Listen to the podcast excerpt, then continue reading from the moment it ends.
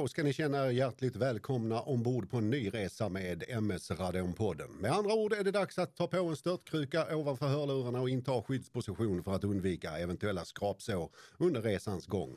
Som vanligt sitter undertecknad i Sveriges logistiska mittpunkt vid foten av Vättern och till min hjälp har jag mannen som nyligen valdes till Sveriges nionde till 12 000 bäst klädde man och nu är helt oaktuell med boken The Room Where It Happened, A White House Memoir. Han sitter just nu och imiterar ett frågetecken och vi lämnar över till honom med de klassiska orden Vem har vi där? Tjenare! Stellan äh, sitter nere i Malmö. Jag vet inte riktigt om jag kan hålla med om Sveriges bäst klädda man nummer, vad sa du? 9 till 12 000. 12 000. Ja, det, det, någonstans där uppe skulle jag ju snarare kanske ranka mig själv då ganska långt ifrån position nummer nio. Men tack för eh, förtroendet och egoboosten att jag skulle vara bland de nio eventuellt. Schysst. ja, någonstans däremellan. Jag ja, ja, men absolut ändå. Ja, hur eh, står det till nere i eh, eh, södern på Sveriges riviera? Har ju då varit ganska så, en ganska behaglig dag. Eh, något kvavt men varmt, soligt, skön dag på eh, alla dess vis. Skulle väl i sig inte bry mig om vad andra människor tycker om det men ja, jag har gillat den. Så att eh, ja, på det stora hela bra under rådande omständigheter. Ja, precis. Eh, håller eh, avstånd. Eh, fick, fick faktiskt tillfälle att... Ja, jag, jag gick inte full-blown Peter in the store, men det var inte långt ifrån. Eh, jag befann mig på eh, Systembolaget i eh, häromdagen och eh, då, jag tror det var i lördags. Min kära fästmö skulle komma och jag skulle, vi skulle, jag skulle handla åt henne också. Eh, och så. Och eh, där fanns vid tillfället när jag var färdig så fanns det en kassa öppen. Det var inte jättemycket folk men det var ändå så att det var en tre, fyra människor i kö.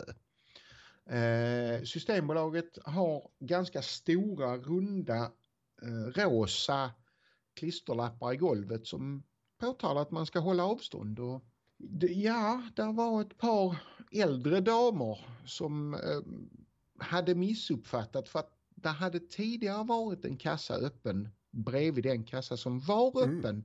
var på den sista betalande kunden där höll på att paketera sina varor vilket föranledde de här damerna till att tro att den kassan fortfarande var öppen.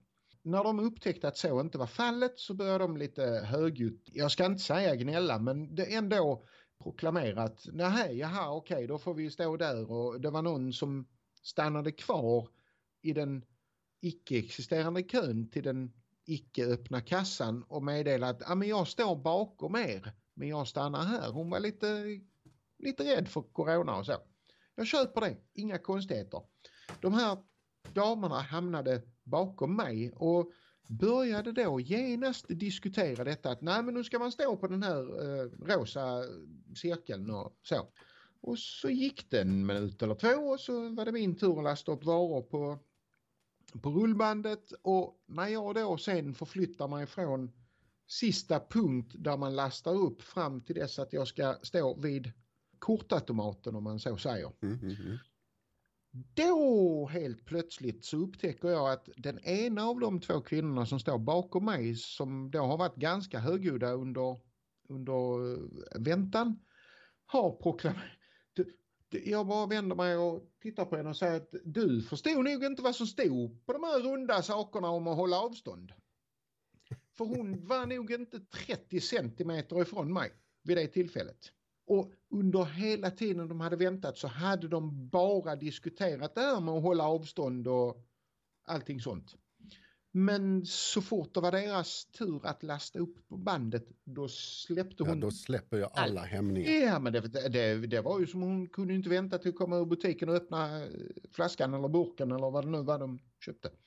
Det, men ja, jag proklamerade hyfsat högt så att eh, hon givetvis då skulle ju tränga sig förbi mig på den smalaste biten av kassan och komma ut ur butiken. För det var inte den damen som skulle handla.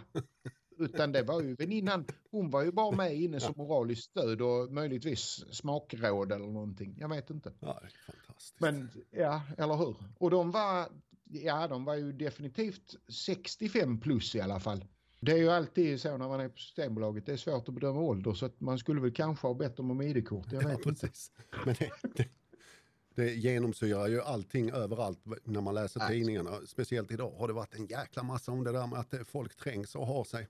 Ja, fy fan. Jag hörde senast på radion idag om det här med SJ, att folk har klagat på att att nu när tågresorna har kommit igång, att de, att de har fått sitta bredvid okända människor och Ja, det är li- likadant på. SAS. De har haft fullbokade flyg där det har varit eh, folk på varenda... eh, helt vanligt. Jag pratade senast med min mamma idag så sa hon det. Ja, de hade då, de hade gett sig ut på ett äventyr idag som, mm, jag var kanske inte helt nöjd. Jag kommenterade det inte. Hon förklarade att ja, men det, är, det är stort och luftigt. Där var, det var, vi höll avståndet till expediten. De har varit på Colorama i uh, våran hemby. Mm. Eh, för de behöver ha nya tapeter till eh, ovanvåningen. Och de tyckte att nej men där är ju inte så mycket folk och det kan jag hålla med om att normalt sett så är inte där särskilt mycket folk i den butiken. Eh, och det jag, tror, jag tror hon sa att det var typ två eller tre andra kunder men de var liksom i andra delar av butiken där de rörde sig. Mm. Så det var väl fine men jag var ändå, jag var ändå tvungen att påtala risken att ja men för fan tro inte att faran är över bara för att folk i allmänhet tycks tro att nu är det fritt fram att göra vad som helst. För jag kan säga, alltså vi kommer ha en shitstorm i augusti-september. Ja, det, det finns en hög sannolikhet för att det, det går, kommer att gå åt fel håll igen. Definitivt alltså. Det, det ju, Med tanke på hur folk börjar bete sig nu och så, och så kommer, nu är vi i mitten på juli och det är industrisemester och det är, fan alltså det kommer bara att bli värre. även om all, alla är medvetna och allmänt försöker att göra som man ska, men så fort du Nej. hamnar i din egen bubbla, som dina Ja. damer på Systembolaget, där det plötsligt blir Till deras exempel. tur eller de ska Mm. ha någonting, då är det så inne i din bubbla så att då försvinner precis allting. Bara, "Ah, ah! Verkligen. Jag vill göra Alltså, som det- jag vill. Och så glömmer man precis allting som man egentligen ska göra. Alltså det, det, verkligen, det känns ju precis som du säger, det, det, det går in genom ena örat och ut genom andra, bara så. Apropå Systembolaget. Jag bara Ja. hi- hittade någonting i förbifarten med eh, alkoholrelaterat. Det är en jävligt gammal notis. Den har väldigt många år på nacken. Men det var en 20-årig man en gång i tiden som eh, han hade varit i Tyskland och handlat. Bilen full som många har. Han hade 1600 liter starköl, 12 liter vin, 30 liter sprit, 48 liter cider och 50 liter alkoläsk. Vilket i sig inte är ett problem eftersom du får ta in grejer för eget bruk. Men då måste du liksom verkligen kunna styrka att det är för eget bruk. Är det då man hävdar, nej men jag är, jag är alkoholist. Nej, han, han hävdade att han skulle ha födelsedagsfest och han Ja, hade räknat ja. med att varje gäst ska ha ett glas vin, de ska ha en kvarting starksprit, en stor burk cider, en stor burk alkoläsk per person och 32 stora burkar öl per skalle. Jo, men det, ja, jag vill minnas att jag har läst om detta också. Jag, jag känner igen det. 32 burkar öl per skalle eh, finns på menyn. Ja, mm, Jag hade, jag hade, själv hade jag nog hävdat, hävdat att nej, men jag fyller jämnt. För jag antar att han fyllde 50 eller någonting. ja, han, var, han var det. 20 år vid tillfället så att det, det var, Ah, kan ju inte varit ja. ett jämnkalas heller ju. Nej, 20 är ju jämnt. Ja, fast han var 20 då. Ja, ja, så han skulle fylla 21. 21 sannolikt, ja. Ja, den, Visserligen är ju den- 21 oslagbart så då kanske man ville ha en oslagbar eh, liten fest. Men eh, Lite så, men jag, någonstans så hade jag ju häv- hävdat att alltså, jag har ju bjudit 250 till 300 gäster. jag vet ju inte om alla kommer men jag måste ju vara förberedd på att alla dyker upp. Ja, precis. Eller något i den stilen kanske. Det, det Snarare hade än att säga att alla ska ha, jag räknar med att alla dricker 34 halvliters burkar med öl. Plus Ja. allt andra. Jag, jag tror inte ens det är en procent av eh, en, eh, om man har hundra. Alltså det är en som skulle kunna sätta i sig de mängderna under en lång fest. Nej, det, det, det är bara möjligtvis om du bjuder in de estniska lastbilschaufförerna. Ja, det är de precis. som fixar det, ingen annan. De som tar 12 burkar till frukostflingorna. Ja, visst. Och sen kör från Malmö till Haparanda med tre promille i blodet eller vad fan det var vi läste om häromdagen. Ja precis och dessutom ly- lyckas att backa in klockrent i, eh, vid Alltså det är helt vansinnigt. Hur, hur som helst, den här, den här eh, snubben blev frikänd för att eh, Örebro tingsrätt valde att eh, ah, men det där är ju faktiskt fullt rimligt. Det, det är det förvisso. det- alltså det, det, Alltså, men bara för att backa bandet lite där då. Du då som förr i världen har suttit som nämndeman i tingsrätten. Vilket jag vet att du har gjort. ja, oh ja. Alltså, det ska ju dömas utifrån lagen. Ja, oh ja. Vi ska det det och sen eh, utifrån det som åklagaren då presenterar och vad eh, motparten säger. Och den här förklaringen är ju eh, 32 stora burkar öl per skalle är inte rimligt. Hade han skitit, Nej, i, skitit i skulle- att nämna det här utan bara sagt som du nämnde, ja jag ska ha en fest för 2 Ja. till 300. Jag vet inte hur många som kommer men jag måste Nej. ju förbereda för att alla verkligen dyker upp. Och då blir, blir det ju här plötsligt fullt rimligt. För att Mer tre, är man, rimligt i alla fall att hävda att de jag har bjudit förväntar mig 34 stora burkar öl. Det är över, alltså det är över 15 liter. ja, precis. Alltså man, bara drick 15 liter vatten så dör du ju för fan. Ja, oh ja, då Det, det, det, det är ju helt, hur, ja, nej, dra, jag drabbas säger man det. ju av det är, celldrunkning om man dricker så mycket vatten på. Ja, men det är kort tid. alltså, ja. Nej, jag, jag har sagt ett par gånger till min kära fästmö, absolut, som råkar ha en viss insight i den världen när det gäller det svenska rättsväsendet. Alltså de som sitter, vi, vi, det måste göras om vårt rättssystem. Vi kan inte ha hobbypolitiker som tycker och tänker precis vad de vill i våra svenska tingsrätter. Det kostar alldeles för mycket pengar för de svenska skattebetalarna. Om, om inget annat så måste medelåldern sänkas för att det ska representera eh, det ska representera allmänheten i stort, alltså hur, hur landet blåser och ligger. Mm. Och då kan vi inte ha eh, en medelålder på nästan 70 bast som sitter Och där, det- så som inte hänger med i, i dagens, alltså hur det funkar i samhället idag. Som kanske inte kan tekniken Nu eh, som nej, finns nej, och så vidare. absolut. Alltså det, det är ju sådana små, små detaljer som du måste kunna, kunna vara insatt i för att faktiskt ha en, en, en rättvis blick. Om, om, jag, om jag ställer frågan, hur länge sedan är det du satt som nämndeman i, i tingsrätten? Jag eh, avgick 2003 när jag flyttade ifrån eh, från Malmö. Från här, från här nere? Ja. Ja, precis. Eh, så det, ja, det är hyfsat många år sedan. Men om du, om du någonstans kan tänka tillbaka och, och så. Hur, hur såg det ut? Var ni, var merparten på den tiden då dessutom män av er som satt där? Eller var det, hade man uppnått någon form av jämställdhet? Tror Bland faktiskt, det, det, det är ju svårt att få det jämställt eftersom man är tre. Ja, Så- så- jo, Men vi, det var en eh, dam och eh, jag och en annan snubbe. Jag menar ju på, på det stora hela egentligen. Ja, på det, det- stora det hela väl- tror det- jag faktiskt Det att det var så att hyfsat. det är, det, är en, det är en grupp av människor som återkommer så att säga. En, Ja, oh ja. en poliapool. Man är ju, man är ju det samma det. gäng så att säga hela tiden. Man är ju Ah. liksom en enhetlig grupp sen finns det ju... Sen Så ni, ni, ju hade, ni hade alltid samma ordförande? Och, ja, och, oja, oja. Ah, alltid okej. samma notarie, alltid samma ordförande Ja, och så var det alltid vi okej. tre så att man blev en enhet så att säga.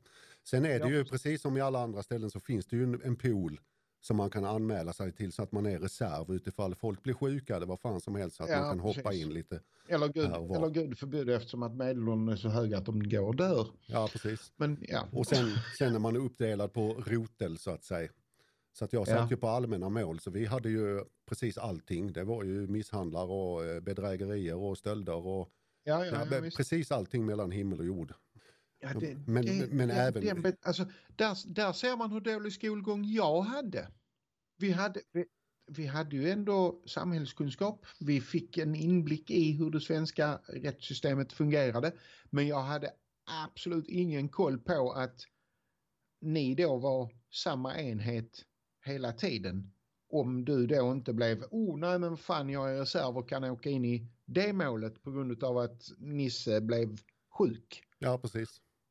Utan, utan att Nisse blev sjuk så var du kopplad till Pelle, Lisa, Kalle och ordförande Stina. Ja, precis. Och, och notarie Bengt.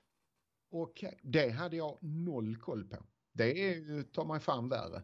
Så ser man till hela gruppen så var det två eh, damer och eh, tre herrar som satt där och jag sänkte ju medelåldern eh, Ja, ganska var- väsentligt du, eftersom du jag var hyfsat ung alltså. knappt var 30, ja jag fyllde 30 det året som, som jag eh, lämnade in så att säga. Ja, Ja. jag skulle precis säga det. Du var nog 30 när du slutade. Va? De andra var nog faktiskt pensionärer tror jag. Med, med Men det gedigen erfarenhet i och för sig, de hade ju suttit i 20 år någonting så de hade ju börjat mitt i livet med, Ja. att sitta där. Men de var fortfarande var det ju så att man märkte ju att de hade lite svårare att hänga med när det kom till saker som alltså mobiltelefoner och sånt här. Lite nyare Ja, ja, inslag Då- i då- kriminaliteten. Då var det lite svårt att liksom hänga med i vad som faktiskt kunde vara, vara rimligt så att säga. Så då fick man ju sitta där när det var överläggningar och förklara både det ena och det andra om hur, hur man måste liksom försöka tänka. Och sen då komma fram till ett konsensus och till slut komma fram till att nej men så här får det bli. Och nu tittar, ja, tittar fria i lag... fälla, ja, precis. Nu tittar i lagboken och ser okej vad har vi för utrymme och hur mycket ja, och hit precis. eller dit. Nej, det är, det, är, alltså det är någonting som jag tycker egentligen alla borde, borde göra någon gång i livet. Få sitta Alltså, där och få en inblick i hur det faktiskt, och vilka typer av människor som faktiskt kan, för det, det, det är ju allt mellan himmel och jord, alltså det är de du minst kunde ana som eh, dyker upp på, på bedrägerifall och, och så vidare som har hamnat i någon jävla klistrig situation i livet. Och sen tagit ett felsteg liksom som de faktiskt sannolikt inte alltid har varit så jävla medvetna om. Man gör ett dåligt miss... Man gör ett dåligt val ibland. Ja, precis. Det, det händer. Precis, Det kan jag personligen vouch för. precis. Eh, Det, det, det händer, man gör det. Det, det. det- är ju samma sak som när man, om man tar sig tiden och pratar med en hemlös. Hur hamnar du i hemlösheten? Det är ju allt, alltså historierna kan ju variera från spelmissbruk till nej, kärringen dog eller lämna mig eller alltså finns ju ingen, ingen som helst Det finns ju ingen mall. reson. Nej, det finns ingen mall för att oh, är det det du råkar ut för, då kommer du hamna där. Utan det handlar ju alltid bara om hur livet behandlar en Ja, ja, ja, precis. och vad som händer. Alla kan vi råka riktigt illa ut någon gång. Det är bara så ju. Oh, ja. Speciellt i Och- de tiderna som råder nu. Det ser man ju Ja. utomlands. Där, där ska man ju vara tacksam för att man bor i Sverige som har ett så pass bra jävla skyddsnät. Som vi faktiskt har i form av alla möjliga former av eh, a-kassor och eh, Försäkringskassan och fan och hans Mm. moster. Ja, nej, mm, nu får vi väl ändå backa bandet lite grann och säga att det där med a-kassan verkar ju inte funka så jävla bra under dessa rådande Nej, omständigheter. det kan man För ju... det är ju kan man ju artikel på artikel på artikel om att folk verkligen blöder. Det kan man ju räkna med eftersom eh, try- trycket ökade så in i helvete. Och det är ja. så, eh, ett vanligt problem i svenskt myndighetsledarskap är att man aldrig förbereder sig på Nej. när the shit hits the fan så sitter man där ja, och ja. hinner inte reagera. Och har du väl hamnat på efterkälken under en månad då tar det inte en månad att hinna ikapp. Komma Utan det tar Nej, tre, det fyra, fem gånger så lång tid att ja. kunna jobba ikapp och hamna i fas igen. Och det, är, det, är, är vi extremt dåliga på i, i Sverige överhuvudtaget, i, inom all oh, form av organisation. Att, oh, att faktiskt ha en plan för när skiten verkligen börjar skvätta ifrån från fläktjäveln. Det kan jag hålla med om. Jag, jag skulle inte önska min värsta fiende eh, arbetslöshet idag och behöva ansöka om a-kassa.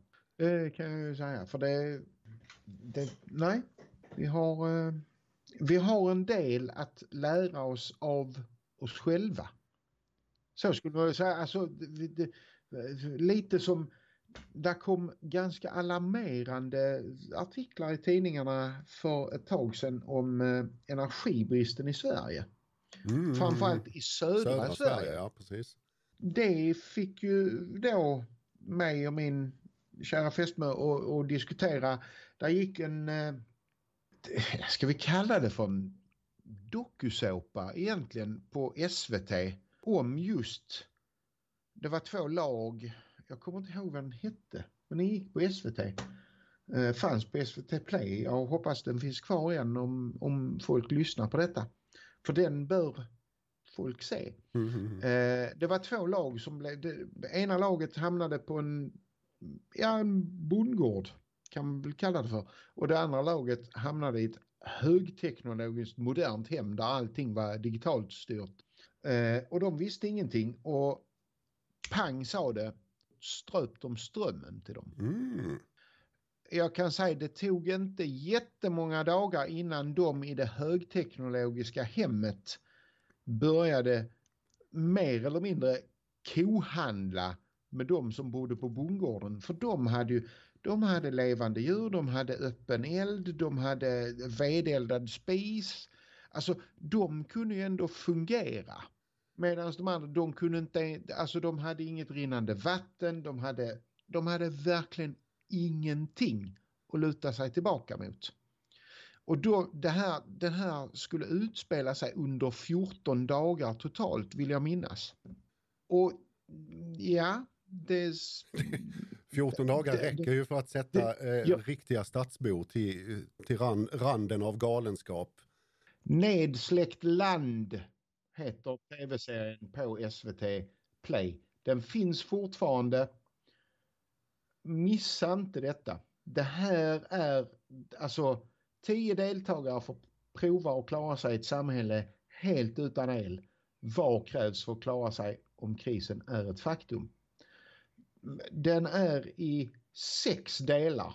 Mm -hmm. Jag kan säga, ja, sex cirka halvtimmes minuters avsnitt. Har man inte sett Nedsläckt land så har man missat någonting. För det där är riktigt bra samhällsinformation i övrigt, jag har, jag har det återigen, jag, jag återknyter hela tiden till att jag har en, eh, en ganska influensrik fästmö. I alla fall influensrik på mig. Mm, mm, mm. Hon, hon driver då eh, det fantastiska Instagramkontot eh, Vardagslingvistik. Mm, mm, som jag givetvis hoppas att alla våra lyssnare följer. För det där, det där är, alltså det, vardagslingvistik, journalistik i Sverige idag. Att man inte ens har upptäckt funktionen autokorrektion eller så i, i Word, det, det är för mig ett mysterie. Men eh, deras jävla syftningsfel är ju fantastiska emellanåt. Måste jag ju säga. Jag, jag, jag måste dra en sak som är helt fantastisk. Som faktiskt en, en det var faktiskt en bekant till mig som upptäckte. Den hade vi helt och hållet missat. Vi har ett inlägg där det ifrån en känd svensk dagstidning så får vi rubriken Död person hittade i terräng. Tros ha legat ute länge. Följande text. En person hittats död i terrängen vid eh, Stallbackaområdet i Trollhättan. Enligt polisen har kroppen legat ute en längre tid. Det har nu inlett en förundersökning om mord. Det är en allmänhet som hittat en kropp ute i terrängen. Allting tyder på att kroppen har legat, ute, legat en tid. Eh, så vi kan inte fastställa dödsorsaken, säger polisens presstalesperson Christer Fuxborg. Följande mening missade både jag och min kära fästmö när vi läste detta i första läget. Polisen är avspärrad i avvaktande på en teknisk undersökning. Oh. alltså det är, ja men för, på fullt allvar när vi såg min bekants eh, då kommentar kring detta att dessutom är polisen avspärrad i väntan på teknisk undersökning. Vi bara dog. Gör ni det inte redan, följ vardagslingvistik för det där är ett sjukt roligt Instagramkonto. Det är humor på hög nivå nästintill dagligen. För det, för, alltså det går verkligen nog nästan inte en enda dag utan att det kommer upp något nytt. Framförallt syftningsfel. Från, från rubriksättare eller underbara journalister i detta land. Ja, precis. Det, det, deras stora problem idag är ju att nästan alla sådana här små nyheter görs ju på mobiler. Ja, det, det, och det, ja. det jävliga är att det är antagligen ingen längre som sitter och korrekturläser det de skickar in via mobilen utan det går Nej, rätt det upp det. till publicering. Det är det ta mig fan inte för den absolut bästa jag någonsin har sett. Det är, det är faktiskt ifrån, ifrån eh, Sydsvenskan vill jag minnas. Ytterligare en av de åtalade tycker åklagaren ska slippa fängelse. Alltså det är fantastiskt. Det, den är så jävla bra så det finns inte. Och det, det innebär att det är åtminstone två åtalade som tycker att åklagaren ska slippa fängelse. Ja, när de skriver ytterligare en av de åtalade tycker att åklagaren ska slippa fängelse. Bara för att lätta på stämningen då, så, eh, något åt det hållet, men jag tänkte bara kasta in en brasklapp till anekdot. För jag kan inte minnas årtalet, men det är hyfsat många år bakåt i tiden. Så, så kan jag ju då, det, det låter mycket värre än vad det är, men eh, på ett hotell här i, i, nere i Malmö så har jag lyckats att förstöra en eh, sån där du vet elektronisk säng med höj och sänkbar fot och Oj. huvuddel. Aj, aj. Ja, ja, tillsammans. Jag har inte gjort detta ensam. Jag har gjort detta tillsammans med Lars-Åke Wilhelmsson. Jaså? Det, lå- det låter mycket värre än vad det är. Det var väldigt oskyldigt. Vi hade ganska kul. Det var, det var hyfsat mycket champagne involverat i detta. Oh.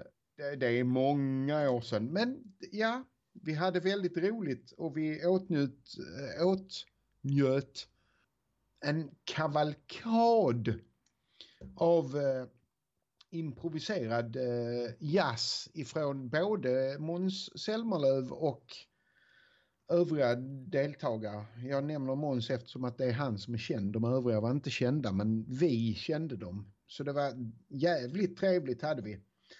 Men ja, på någon vänster så slutade liksom elektroniken funka. Så en liten anekdot med viss humor och vissa skvallerinslag. Ja, eh, får direkt eh, minnesflashar Toppa, toppa mig, toppa mig, gör det. med champagne inblandat. Mm. Eh, man är ju inte oäven i, i det här eh, sammanhanget med att förmedla röstbudskap genom någon form av mikrofon ut till folket. Eh, en gång i tiden så höll vi på med radio. Och 1990, vad fasen kan det vara? Skitsamma. Eh, jag och en av våra gemensamma bekanta eh, blev inbjudna att göra någon form av, eh, ska vi kalla det för reportage, eh, på Grand Hotel i Lund när de hade 90-årsjubileum. Oh, Eh, och detta det, kommer jag ihåg. detta visade sig vara eh, champagnebjudning. Och eh, de hade gjort en 90 alnar lång rulltårta. Den var Ja. djävulusiskt lång. Och så var det liksom besök i vinkällaren och sånt här kuckelimuck. Eh, jag kan säga att eh, det var första gången undertecknad drack champagne. Och det, det, det var en ganska så, i alla fall i de mängderna, för det blev, det blev väldigt mycket. När det går omkring människor med en bricka som, på, eh, som du ser på film när de har lite cocktailparty så går de, ja, uh, ta gärna ett glas champagne, en liten snitt. Ja. Så eh, var man ju inte sen att ta en sån där. Men jag kan säga att eh, man smälter ju inte in eftersom vi kom i t-shirt och jeans och de flesta eh, hade ju mer eller mindre smoking på sig. Och Ja. det var väldigt mycket societetsfolk. Eh, vad jag gjorde som fick hela eh, salen att tystna var att när jag tog min jävla rulltårta och skulle gå till ett hörn lämpligt och ställa mig och äta. Champagneglas i ena handen, en liten eh, fin tallrik med en stor bit rulltårta i andra handen så snavade jag.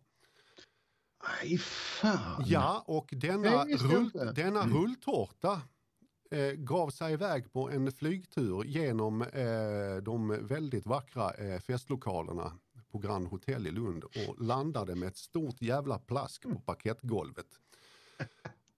Och hade man, hade man varit klädd i eh, smoking så hade man säkert kunnat smälta in. Men inte när man eh, ser ut som en, eh, en bondläpp i sammanhanget. Jag Och dessutom förstår. har kastat iväg rulltårta på golvet. Jag kan säga att jag ville fan sjunka genom marken alltså. Det, det kan jag förstå. Och jag kan Det säga kan att den eftermiddagen, för det här var väl vid tolvtiden, någonting, det var ju ungefär vid lunch så att det skulle eh, vara så många som möjligt som hade möjlighet att komma dit. Det, det var en dagfest. så Ja, att säga. det, fy Fabian alltså. Man, man blir tung i huvudet av champagne lärde jag mig den dagen. Ja, det kan man mycket väl bli. Säga att det blev en riktig lära för livet. För jag har inte druckit mer än kanske två glas sen dess. Alltså åt gången. Jag har Du- druckit champagne flera gånger men eh, aldrig mer att man tar några större mängder för det för Nej, jag, jag, men, för jag skulle precis säga det. Alltså, nyårsafton är ju en klassisk champagneafton vid tolvslaget liksom. Men normalt sett, du dricker ett glas men aldrig mer. Alltså det är det, vi, vi har ett glas var och så skålar vi och så, ja, fine. Tittar på fyrverkerierna, sen är det bra. De gånger jag har köpt champagne på nyår så har det oftast varit de här eh, pyttesmå eh, flaskorna som har typ tre glas i sig.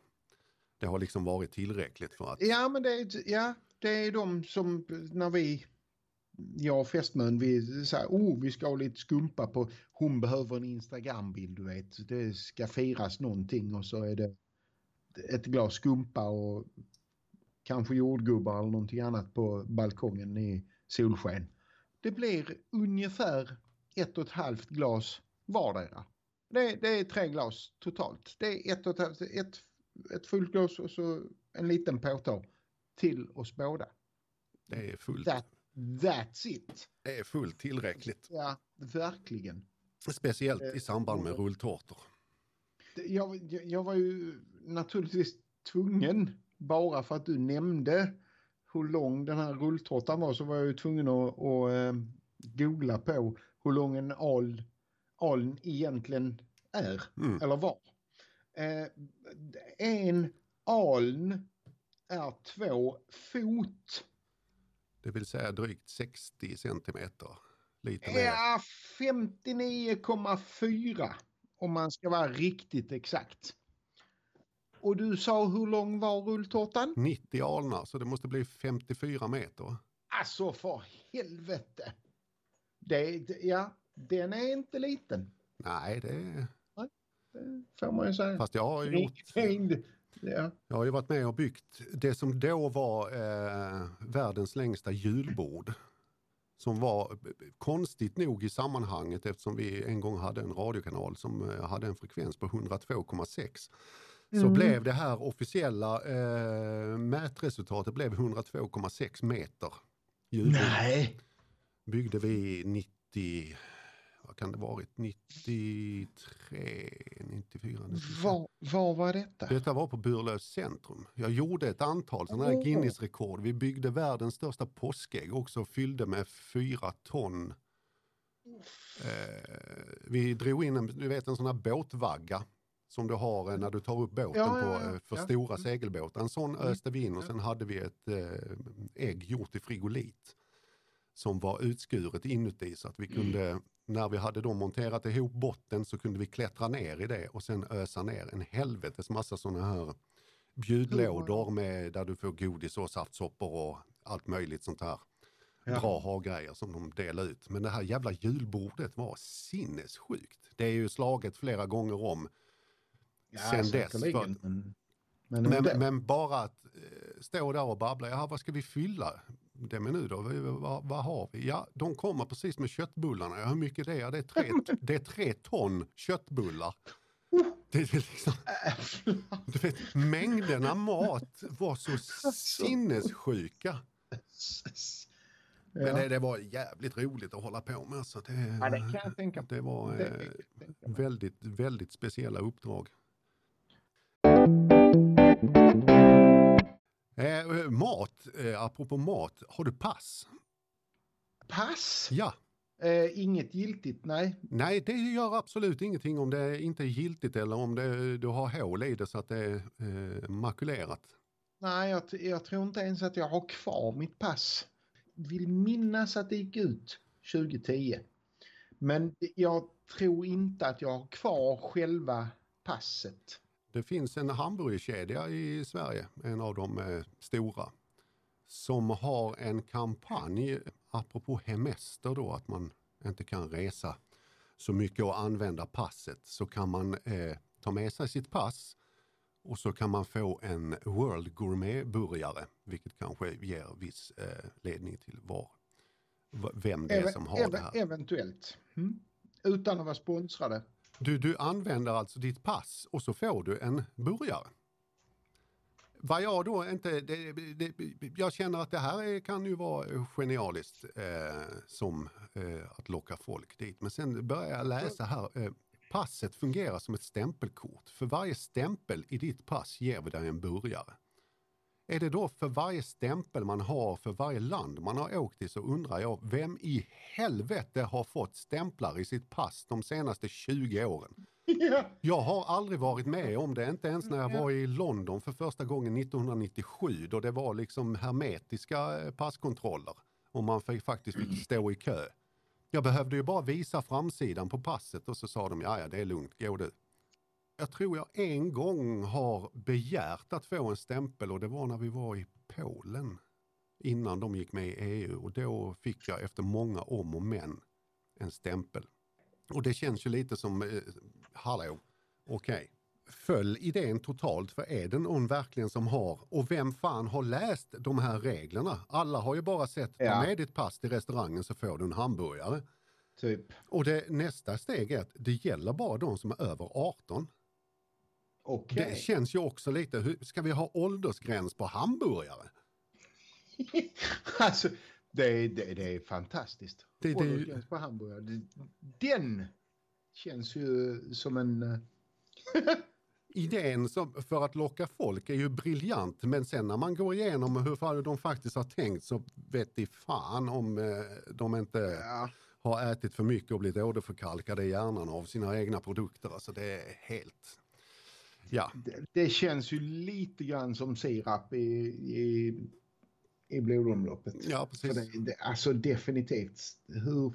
Ja, nej.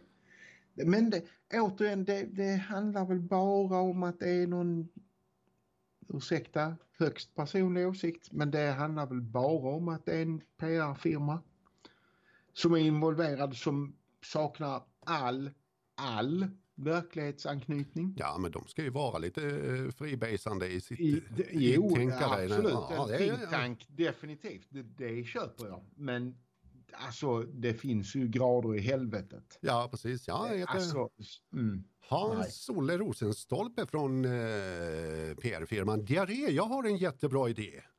Eller hur? Alltså, nej. Nej, det ska bli intressant att följa det där, hur, hur eh, fan det där eh, Ja, det, det, har ut. gått mig he- det, det har gått mig helt förbi. Jag har missat detta totalt, måste jag erkänna. Det kan Det inte- säkerligen komma lite in, intressanta inlägg på deras eh, Facebook-sida när eh, folk kanske har blivit nekade. Jag känner att jag nå, någonstans måste kasta mig över denna Facebook-sida för, bara för att kunna följa det. För det, det, det, det har som sagt var gått mig helt förbi.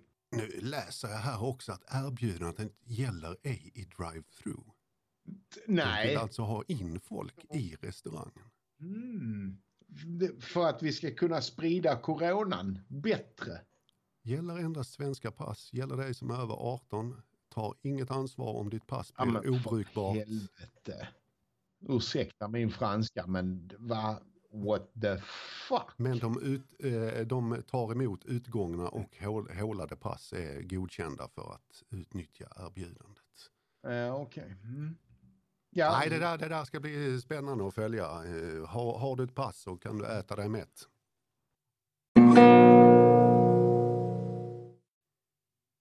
jag vet att jag tipsade dig om en, eh, en eh, engelsk eller amerikansk eh, podcast som heter Pyjama, Pyjama Pants. Ja, just det.